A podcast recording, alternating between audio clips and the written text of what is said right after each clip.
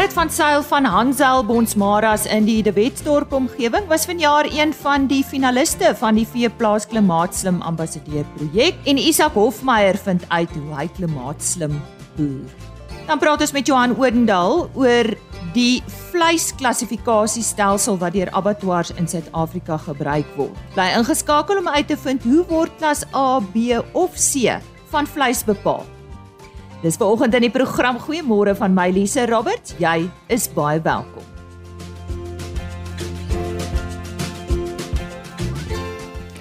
Plaas Media het vanjaar sy tweede veeplaas klimaatslim ambassadeur projek aangebied. Dit volg op 'n suksesvolle eerste ronde in 2022 waarin die bekende James Faber as eerste ambassadeur aangewys is.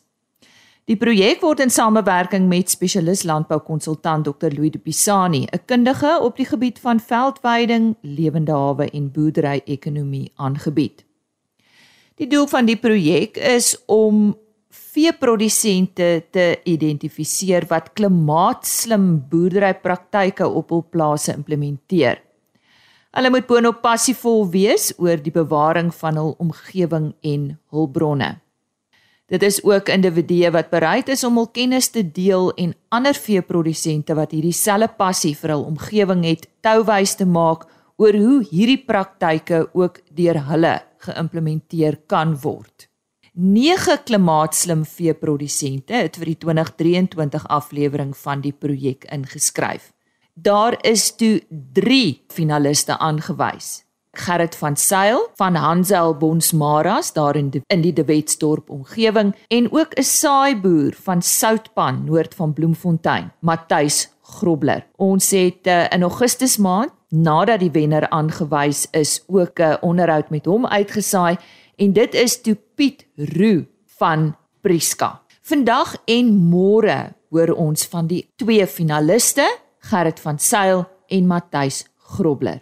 Medewerker Isak Hofmeyer het uh, by hulle op die plaas gaan kuier. Kom ons luister na die gesprek wat hy gehad het met Gerrit van Sail. Die Bonsmara stoetboer Gerrit van Sail is 'n deeltydse boer wat sy stoet in die De Wetstorp omgewing van die Suid-Vrystaat bedryf. Hy kan eintlik as 'n bekroonde stoetboer beskryf word want hy het al verskeie toekenninge gekry vir sy Hanseil Bonsmara stoet. Vir die afgelope klompie jare spits hy hom egter daarop toe om volgens die beginsels van herlewingslandbou te boer.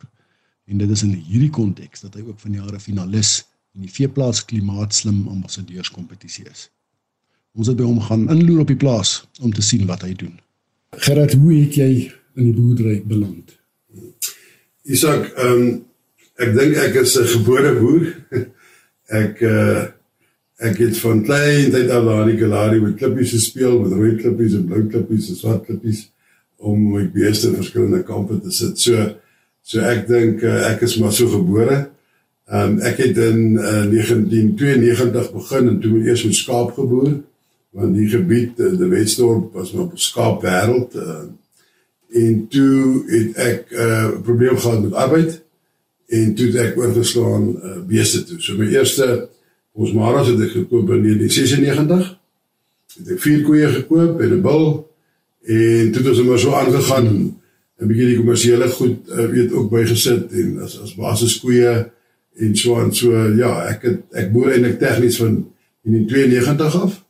En uh, dit so wat 5 26 jaar en aan van die begin af was dit maar uh, eintlik vir die skaap gedeelte in die 96 toe begin met die stoetery waar ek nou nog besig.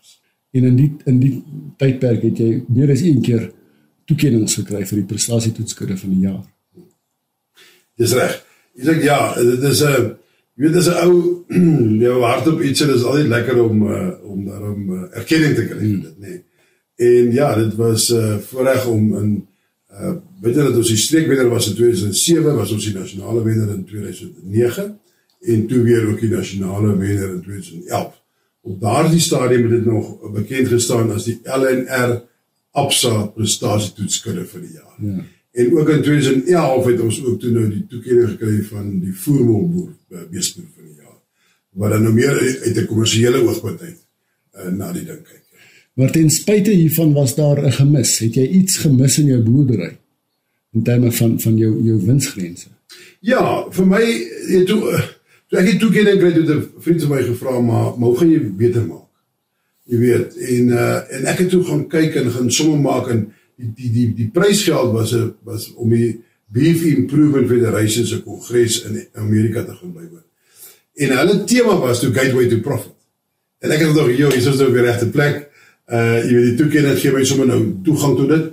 En dit was meer algemeen oor liggaamkondisie telling, verharing, medium ram koei uh en al daai tipe goed en vrugbaarheid obviously. En en toe ek die som maak om om hierdie vriend van verander, hoe gaan ek beter word? En ek dink sy vraag was dalk iets anders, hoe gaan ek my reproduksie beter maak? Wat ek hom geïnterpreteer as jy weet, hoe gaan ek uh, en toe ek die som maak eintlik. Toe kom ek agter maar uh met hierdie fantastiese reproduksie syfers uh het ek maar bietjie slegter gedoen. Nie fees te baie nie, maar omtrent slegter gedoen as wat die rente wat die bank my sou gee op my op my kapitaal. En dit het jou toe nou aan die soek gesit en uitgebring by die hele kwessie van van herlewenslandbou beginsels. Presies. In daardie tyd het ons het ek baie gelees. Ek ek wil ek was soekend. Ehm um, en maar hoe hou ek nou meer beeste aan? En ek kan nie my reproduksie verbeter nie want my reproduksie was ek wil die beste in Suid-Afrika op daardie stadium. Hmm. En ou kan nog nie is uh, jy weet 'n koei vinniger as 284 dae of 375 dae laat kalf nie. Jy kan nie 'n koei kalf speelverhouding feeslik hoër druk as 50 52% nie. En ons kan nie ons verse vroeër as 26 maande laat kalf nie. Dit is net fisies onmoontlik. Dit is fisiologies onmoontlik. So die enigste manier wat ek dit dan kon doen was om meer diere aan te hou op dieselfde grond. Om meer kalvers te kan. Om meer kalvers te produseer, meer kilogramme per hektaar. Miskien die die verskil van individuele produksie uh, per dier te skuif na wins per hektaar of produksie per hektaar. Ehm uh, want die produksie per hektaar is een kant, maar die wins is die ander belangrike ding. En en dit het my gemaak dat ek toe begin soek het na na die hele gedagte en die die die die mense wat dit onderskryf het, kan ek amper sê, was die hele herlewing gedagte. So my gedagte initieel om herlewing te doen was definitief nie om om vir al die mooi goed soos grondvrugbaarheid en om 'n legacy te los en om die grond op 'n beter plek te los. Dit was nie my doel nie. My doel was om te kyk of ek kan bietjie meer of ek die bank kan uh beat as 'n Engelse woord kan gebruik. So die nou eers begin ek sien wat die byvoordele was. Uh en dit is amper die eerste keer wat ek iets doen wat vir my die regte ding is en dit ook finansiële voordele. Dis dit is baie lekker plek. Dis 'n baie belangrike kombinasie. Die die regte ding in terme van die herlewings uh filosofie of etiek. Mm. Maar jy moet dan ten minste die bank bied, soos jy ja, sê. Ja. ja. Presies dit. En dit het dit het nou 'n hele lang paadjie van ontwikkeling in jou kop en in terme van jou tegniek en van jou kundigheid en so op die plaas ons sal nou daarby kom. Maar dit het jou gebring waar jy vandag dan nou 'n uh, finalis is in hierdie klimaatslim boerdery kompetisie. Praat 'n bietjie met my daaroor. Man eh, weer eens ehm um, dis 'n lonely road. uh, so dis baie lekker as as daar enige 'n uh, uh, vorm van erkenning kom uh vir dit wat 'n ou doen, nê. Want want ek dink ons is bietjie van 'n pionier.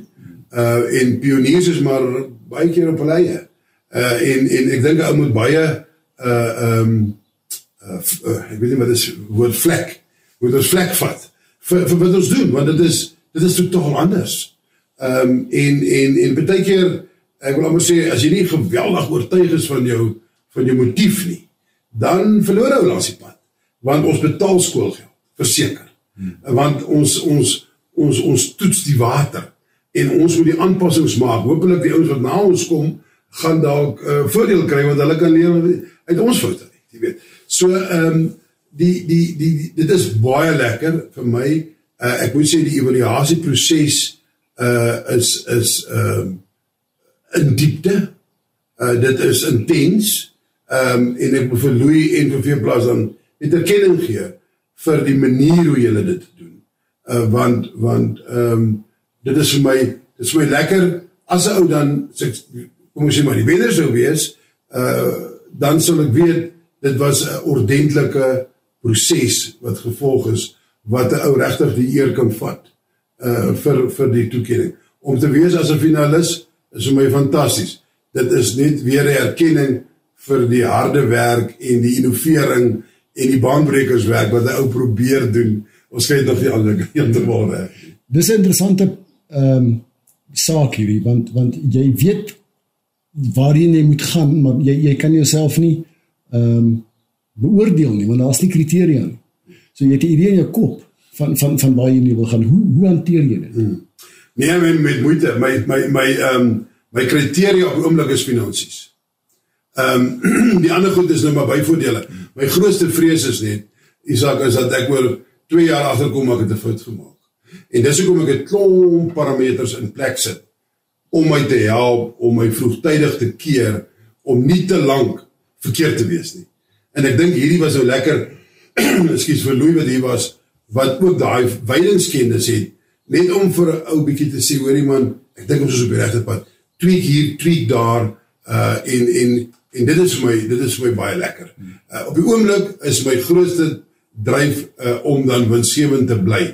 Uh, hierdie goed ehm um, gaan gaan later bykom want ek kan die voordele aan die weiding en aan ons veld en aan die aardbodem is onomwonde. Ons het nog net die ander deel, die die reproduksie deel van die genetika moet nog net uh, ek wil amper sê bykom. Ja. Dan is ons dan is ons daar. Noem noem 'n bietjie 'n paar van die van die uh, voordele wat jy sien in die veld. Ons spesies samestelling is besig om te verander. Uh weer weer nou met vandag met Louis met al sy kennis. Dit is net lekker om te sien. Hier's dit, hier's dit, hier's dit, hier's dit. Dit is lekker om 5, 6 keer te hoor jok met die veld. Dit is 'n fantastiese uh toestand, jy weet. So dit is vir my baie lekker. Ek dink ons ons ons uh, bedekking het verseker verbeter. Ehm um, ek dink ons smaaklike grasse word meer, ons onsmaaklike grasse word minder. Ehm um, ons kry nuwe spesies wat ons nooit geken het nie. Ons kry nuwe opslag in die veld wat ons nooit gesien het nie. Ons sien meer miskryers. Ons sien die hele ekosisteem. Ons sien spinnekoppe, ons sien molle, ons sien erwworms. Jy weet dit is dis nie 'n totale ek wil eintlik nou die Bybelse terme gebruik terug van Eden toe amper wat ons sien oor tyd en dit is dit is verskriklik uh, satis uh, satisfaksie wat mense daar het. Wat my spesifiek baie opgeval het is is sy verwysing na die mis, die sy ontleding van die mis wat dan 'n weerspieëling is van die gesondheid van die koeie. Ja. Ja ja. En ek dink ons on, elke ou gee vir jou net so 'n tweetie van dit wat jy eintlik weet het. Ons kyk baie na die mis. Ek het nog nooit die mis die die amper sê die fynheid van die mis is so gebestudeer. Ek kyk na die mis, die koek, uh, maar nie na die feit nie. So hierdie is ook weer 'n lekker manier om net te veel te sê, hoorie man, ek dink die die verteerbare die mikroorganismes binne in die in die in die rumen werk en daarom verteer hulle die goed. Hulle het genoeg tyd om te herkou om hierdie gras fyn te maak. So daar's eintlik 'n klomp goed wat uh en en Isak, ehm um, ek wou sê 90% van die sukses is waarneming. So gesels die Bonsmara stoetboer Gerrit van Sail oor die revolusie wat hy op sy plaas teweeggebring het.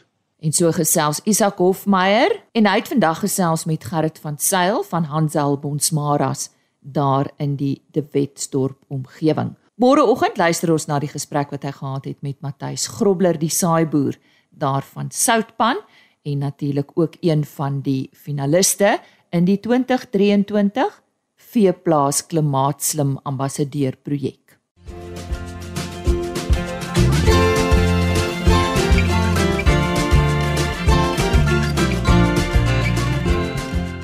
Johan Odendaal is 'n onafhanklike vleisbeeskonsultant. Nou, ons het dit goed gedink, hierdie tyd van die jaar altyd lekker om oor verbruikersake ook te gesels om aan ons te verduidelik wat presies is 'n vleisklassifikasiestelsel. Ons praat ook in 'n latere gesprek met hom oor hoe belangrik is vetverspreiding op byvoorbeeld 'n beeskarkas en hoe om dit te verstaan en hoe die handelaar en die verbruiker dit sien en dan ook nog 'n gesprek met hom oor die veelbesproke groeibevorderaars of soos ons daarna verwys as hormone in vleis soos estrogen. Nou dit is uh, nog 'n gesprek waarna jy kan uitsien binnekort hier in RSG Landbou. Maar vanoggend praat ons oor die klassifikasiestelsel van vleis. Nou, daar is tans verskeie gesprekke oor die gradering van vleis en uh, dat die rooi vleisbedryf ook daarna streef, maar ons het tans in Suid-Afrika 'n klassifikasiestelsel binne abattoirs. Johan, goeiemôre. Kan jy net vir ons as verbruikers verduidelik hoe 'n klassifikasiestelsel werk? Goeiemôre Lise en, en al die luisteraars. Die gradering, ehm um, soos jy sê, is nou weer 'n gesprek wat op die voorraad tree, maar daar sal nog baie water in die see loop voor so iets kan gebeur. Kom ons hanteer dan maar ons uh, klassifikasiestelsel soos hy tans werk en ek glo hy gaan nog vir 'n lang tyd by ons bly. En ons moet gou onthou ons begin praat van klas en nie graad soos baie mense verwys na byvoorbeeld 'n A graad of 'n B graad. Dis nie grade nie, dis klasse. A grade en B grade is nie die term om te gebruik nie, dit klasse. In Suid-Afrika gebruik ons die klassifikasiestelsel by beeste, skape, bokke en varkkarkasse. Hierdie klassifikasie word gebruik deur onafhanklike klassifiseerders binne elke abattoir. En die klassifikasie word dan gedoen ehm um, oor ouderdom, die hoeveelheid vet en die bouvorm van die karkas. En ons moet onthou dis deelnemende abattoirs aan hierdie klassifikasiestelsel aangesien dit 'n vrywillige deelname is in ons land en dis nie verpligtend nie. Maar tans is die meeste van ons abattoirs tog hierby ingeskakel. Onthou daar is in Suid-Afrika wetgewing en alle karkasse wat in die handel beskikbaar gestel word. Met ander woorde verkoop word aan die publiek moet deur 'n vleisinspekteur ondersoek word die klassifikasiestelsel kom dan net daarby sou die abattoir daarvan gebruik maak. Nou ons moet baie belangrik hierso miskien om te onthou dit sluit wildsvleis in. Ehm um, baie mense besef dit nie maar die verkoop van wildsvleis in die handel moet ook deur 'n vleisinspekteur ondersoek word. Daar moet 'n stempel op wees. Goed, ek het gou net so vinnig 'n uh, inleiding gesê. Nou sê ons die ouderdomme word bepaal deur die tel van die dier se permanente tande by beeste, skape en bokke. Ehm um, wanneer ons sê die permanente tande is wanneer hulle klaar gewissel het. Kom ons begin sommer by A-klas. 'n A-klas kar karkas is van 'n jong dier wat ongewissel is. Met ander woorde, hulle het nog hulle melktande. En afhangende van die ras is hulle so tot so min of meer 24 maande oud. En dan die karkas word met pers ingemerk of dan gerolmerk. Die volgende klas is 'n AB klas. Dit is van ook jonger diere wat net begin wissel het. Hulle begin wissel in die middelste voorste twee tande en hulle onderste kaak sodat hulle die permanente tande begin sny. Dan val hulle in 'n AB klas. Afhangende weer eens van die ras, is hulle miskien so tussen 2 en 2 en 'n half jaar oud. Die karkas word met groen ink dan gemerk en gerolmerk. Onthou hierso wat ek nou na verwys is beeste hoor. Ons praat nou net van beeste, ons ons die skape is, is natuurlik op 'n ander ouderdom. Hmm. Kom ons hanteer die volgende klas is natuurlik 'n B-klas. Dit is diere wat 'n bietjie ouderdom aangeskuif het. Hulle is so 3 tot 6 permanente tande al reeds gewissel en hulle is so tussen 2 en 'n half en 3 jaar oud. Hierdie karkasse karkasse word met bruin ink gerol en gemerk. Dan die ouer karkasse, ouer beeste is ons C-klas diere.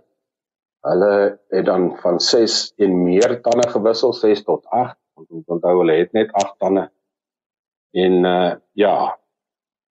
Hulle is so 4 jaar en ouer en hulle word met rooi ink gemerk en gerolmerk. As ons dan gou kyk na die vetkodes wat saam met die ouderdom gaan, kyk ons na die vetkodes gaan van 'n 0 tot by 'n 6 en om dit miskien in eenvoudige terme vir julle te verduidelik dat 'n 0 is geen vet. En dan 'n 1 is maar of baie maar en dan 'n 2 is maar 'n 3 vet is 'n medium 'n 4 vet is vet. En dan as ons na 5 gaan kom ons verduidelik hom as 'n matig oorvet en dan 'n 6 is baie vet. Jy weet hy's uitermate vet. Ehm um, in ons mark is die is die beste wat ons wil hê so tussen 'n 2 en 'n 3. Dit is wat die mark wil hê. En dan het ons 'n ander stempel wat op die karkasse gesit word en dit gaan oor baie keer ons uitslagpersentasie en hoe die karkas lyk. En dit is die bouvormmerk.